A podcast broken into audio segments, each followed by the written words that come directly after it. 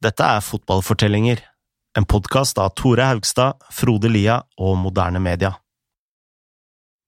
Det er lett å tro at Real Madrid alltid har vært en styrtrik klubb som henter de beste spillerne. Men innen årtusenskiftet mangler de både penger og stjerner. Samme år får klubben en ny president. Han er både rik, mektig, genial og idiotisk. Han heter Florentino Perez. I denne episoden skal vi snakke om hvordan han gjorde Real Madrid om til Disneyland.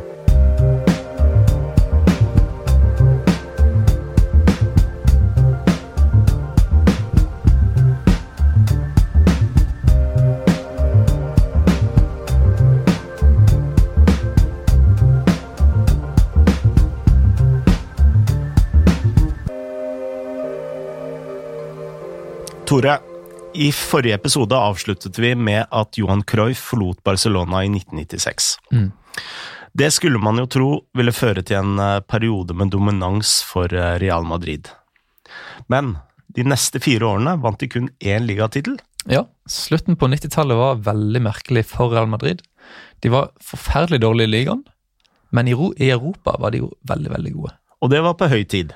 Det kan man si. Altså, Selv om Champions League liksom skulle være Real Madrids turnering, så hadde de ikke vunnet den siden 1966. Altså en periode hvor det fortsatt var TV var i svart-hvitt. Men i 1998 så vant de altså endelig denne syvende tittelen. Og la oss bare huske det. Samme året som de vant denne tittelen, så kom de på fjerdeplass i La Liga. I gruppespillet det året eh, tapte de også 2-0 mot Rosenborg. På Lerkendal? På Lerkendal, ja. Ja. Så det er liksom, altså dette var jo ikke Litt sånn som Real Madrid i nyere tid under Zidane, da, så var ikke dette et lag som bare feide alle av banen hele sesongen. De hadde et eller annet som bare gjorde at de klarte å, å vinne de viktige kampene i Europa. Uh, og de vant jo 1-0 mot Juventus i den finalen. Uh, så, i år 2000, slo de Valencia 3-0 i finalen. Og det var samme året som de kom på femteplass i La Liga. Og det var vel eh, da Vicente del Bosque tok over som trener i november, ikke sant? Ja, riktig. Eh, og da vant Champions League noen eh, måneder eh, senere. Litt som eh, Zinedine Zidane i 2016. Ja, det er mange paralleller der. Og dette var jo en eh, perfekt triumf for presidenten på den tida, Lorenzo Sanz. Hvorfor det? Nei, fordi eh, 2000 var året for presidentvalget i Real Madrid. Og når Sanz da gikk inn til denne valgkampen etter en seier i Champions, så forventer man jo at han skulle vinne valget. Ok, men likevel klarte Florentino Perez å vippe han av tronen. Ja, Florentino altså, han hadde jo en ideell bakgrunn for dette her. da. Altså, Han hadde vært medlem i klubben i flere tiår. Han hadde vært politiker hos Partido Popular, som er den spanske, altså det spanske konservative partiet. Og han hadde starta konstruksjonsselskapet ACS. Ok, Så Florentino hadde altså kontakter på det høyeste nivå innen politikk, finans og byggevirksomhet. Ja, altså en, en, en drømmepakke for en president som trenger mange kontakter og mye innflytelse. Altså Her snakker vi om en av Spanias desidert mektigste menn. Og Florentino hadde jo analysert situasjonen, og han visste at selv om Sandstad hadde vunnet Champions League, så var selve klubben et rot finansielt sett. Og hvordan utnytta han det? Han lova å slette gjelda, og han lovte fansen at han skulle hente Luis Figo. Men det virker jo som et umulig løfte. Eh, Figo var jo en av Barcelonas desiderte ynglinger, og på den tiden skulle han også vinne gullballen eh, det året, skulle han ikke det? Mm. Det er jo generelt galskap å gå fra Barcelona til eh, Real Madrid Ja, ja, ja. eh, overhodet, hvis du legger også det i tillegg. Altså, det, er, det er en umulig overgang. Altså, altså, på overflaten da, Barcelona kommer alle til å selge han. Figo risikerer jo nesten i praksis livet sitt ved å gå fra Barcelona til Real Madrid. Men Florentino han gjorde likevel en deal med Figo. Og ifølge en bok som er skrevet av redaktøren til Diario As, Alfredo Relanjo, hadde Figo da en utkjøpsklausul på 500 millioner kroner. Så hvis Real Madrid betalte denne ut, utkjøpsklausulen på 500 millioner kroner, så kunne ikke Barcelona si nei. Riktig, de måtte selge. Deretter ble Florentino enig med Figo om at hvis han vant presidentvalget, måtte Figo betale han rundt 250 millioner kroner om han ikke signerte for Real Madrid. Så Florentino sikret seg altså en kompensasjon om Figo skulle si nei. Riktig. Han fant pengene til å betale for Figo, og han sa at du kommer her, eller så betaler du så og så mye.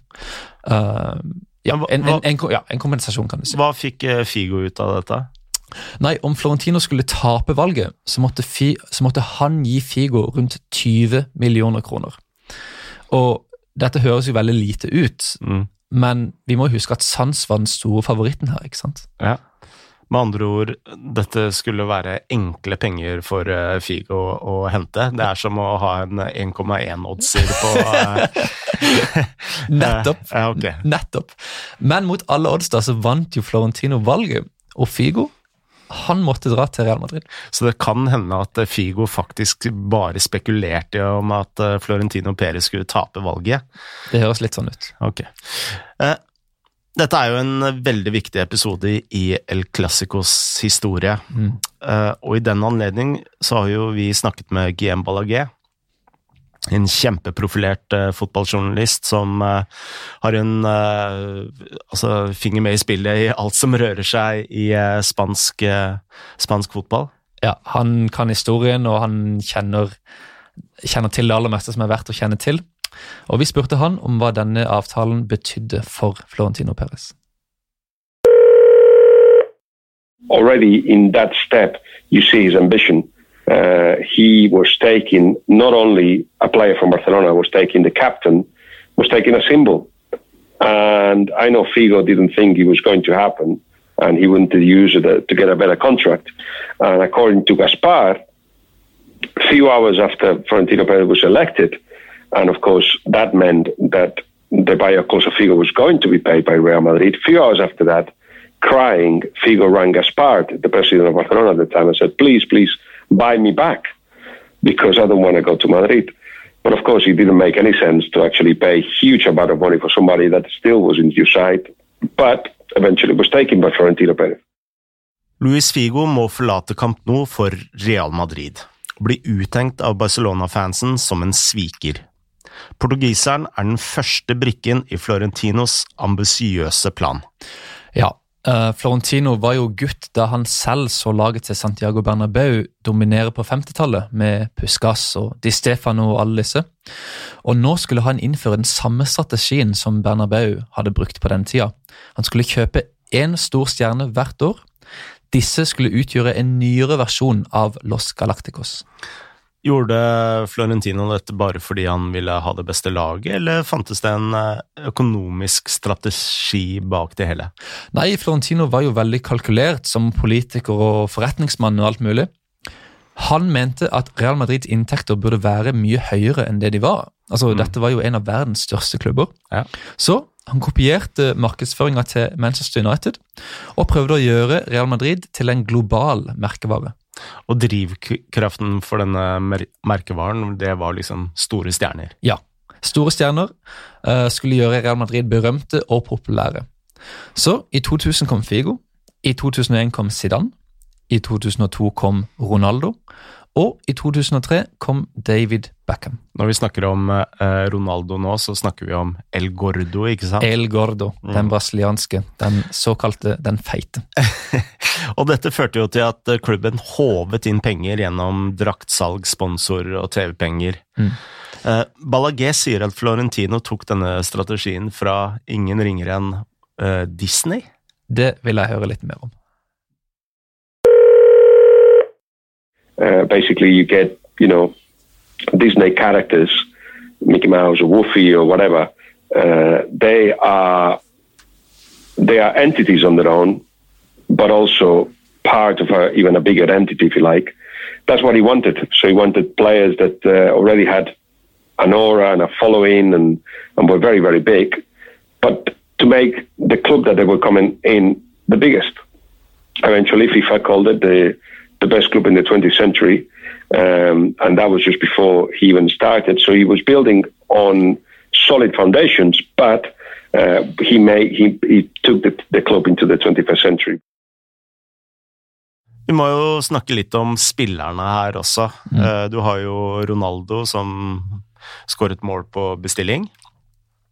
Eh, Matt Dickinson i The Times eh, mener jeg å huske kalte han for en blanding mellom en okse og en eh, ballettdanser. Det tenker jeg er en veldig bra beskrivelse. Ja, altså, så sinnssykt sterk. Den balansen, den farta.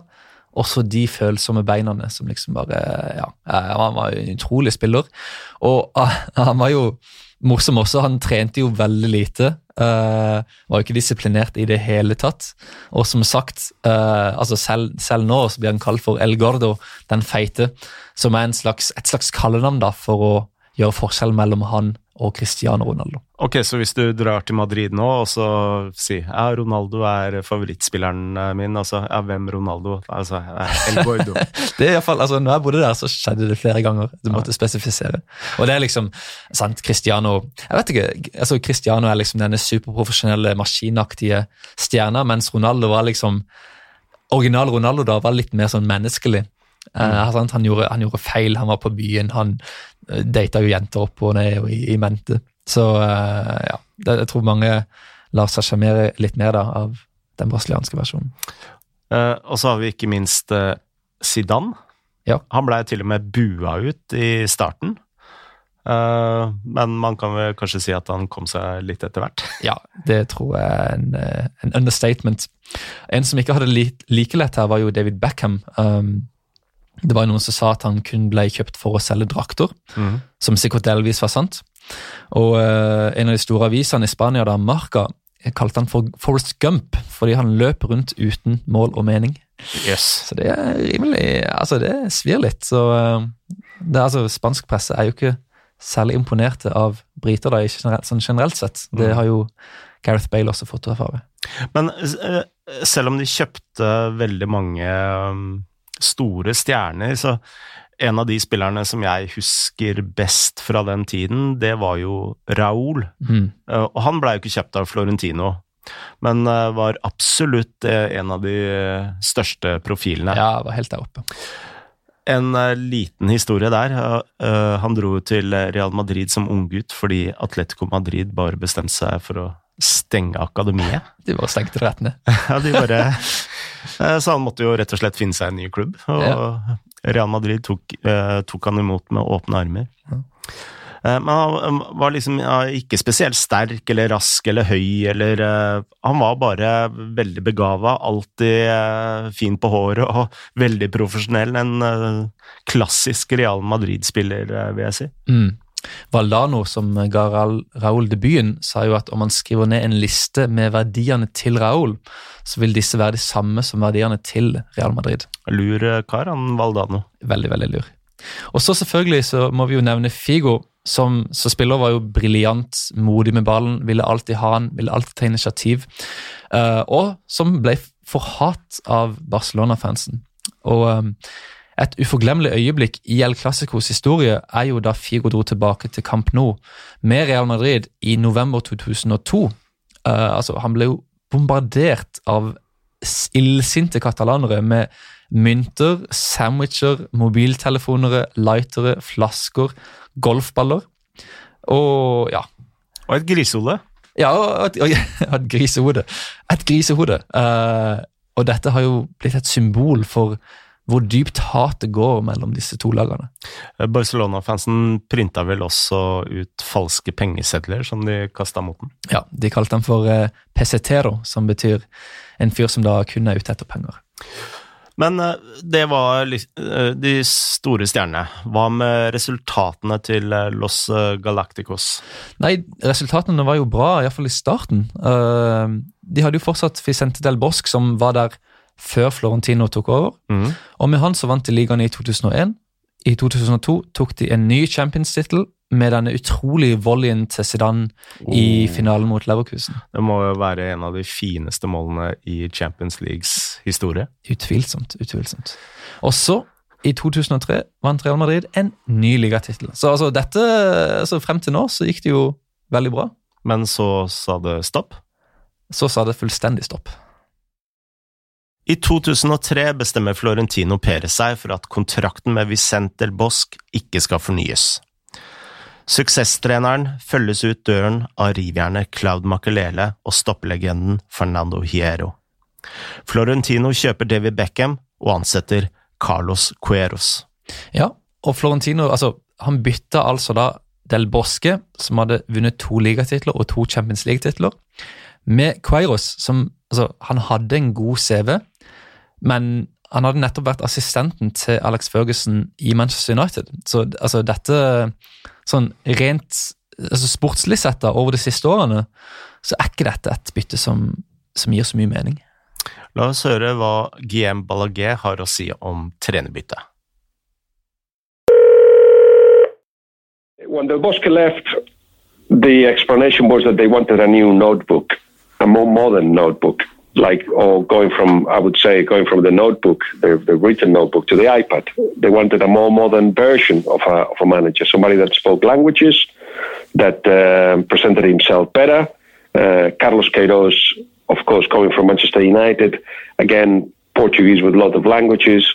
Um, you know, who had helped Manchester United to become good in Europe, represented that kind of thing, and handsome and well dressed. Nothing like Del Bosque, who looked like a provincial coach, if you like. It was uh, a misunderstanding of what Del Bosque was bringing, and it took many years until Zidane arrived, perhaps to for Florentino Perez to accept that he had made a mistake there. But that was the um, that was the decision. Jorge Valdano was the director of football at the time, a very sophisticated man as well, and he bought the idea that uh, something else was needed. He was following the the suggestion of, of his chairman. So it was it was a time in where everybody had to look good, sound good, uh, and if possible, fingers crossed, they also win things. Uh, and to be honest, with Carlos Queiroz for three quarters of the season, things were going very very well, but they kind of collapsed at the end. Real Madrid kollapsa altså mot slutten under Queiroz. Uten Makelele hadde det ingen balanse i laget, og de endte 2003-2004-sesongen uten et eneste trofé. De neste to årene skulle Florentino ansette fire trenere til, men ingen av disse vant noe heller. Nei, og dette var jo krise for en klubb som Real Madrid. Men det fantes iallfall en liten trøst, i verst fall for Florentino Perez. For i 2004-2005 ble Real Madrid endelig klubben med høyest inntekter i verden. Dermed kunne man si at Florentinos Disneyland-strategi hadde fungert økonomisk sett, men sportslig sett gikk det jo veldig dårlig, og i februar 2006 gikk faktisk Florentino av som president. Ja, og vi spurte Guillem igjen om hvorfor Florentino feilet. You only need to know that uh, in the last years of uh, Zidane and Beckham at Real Madrid, Florentino Perez tried to convince his coaches, coaches who never really have authority, because Florentino was the authority and the players were the authority. Um, he wanted his coaches to play Zidane as a centre back and David Beckham as a right back, so he could put all the Galacticos in their positions. So he doesn't really care so much about um, about results in a way. He does, of course, but he, he wanted to put it in practice a, an idea of how to run a football club. Commercially, financially, it was a complete success. But the fact that coaches didn't have authority, that's perhaps the biggest flaw.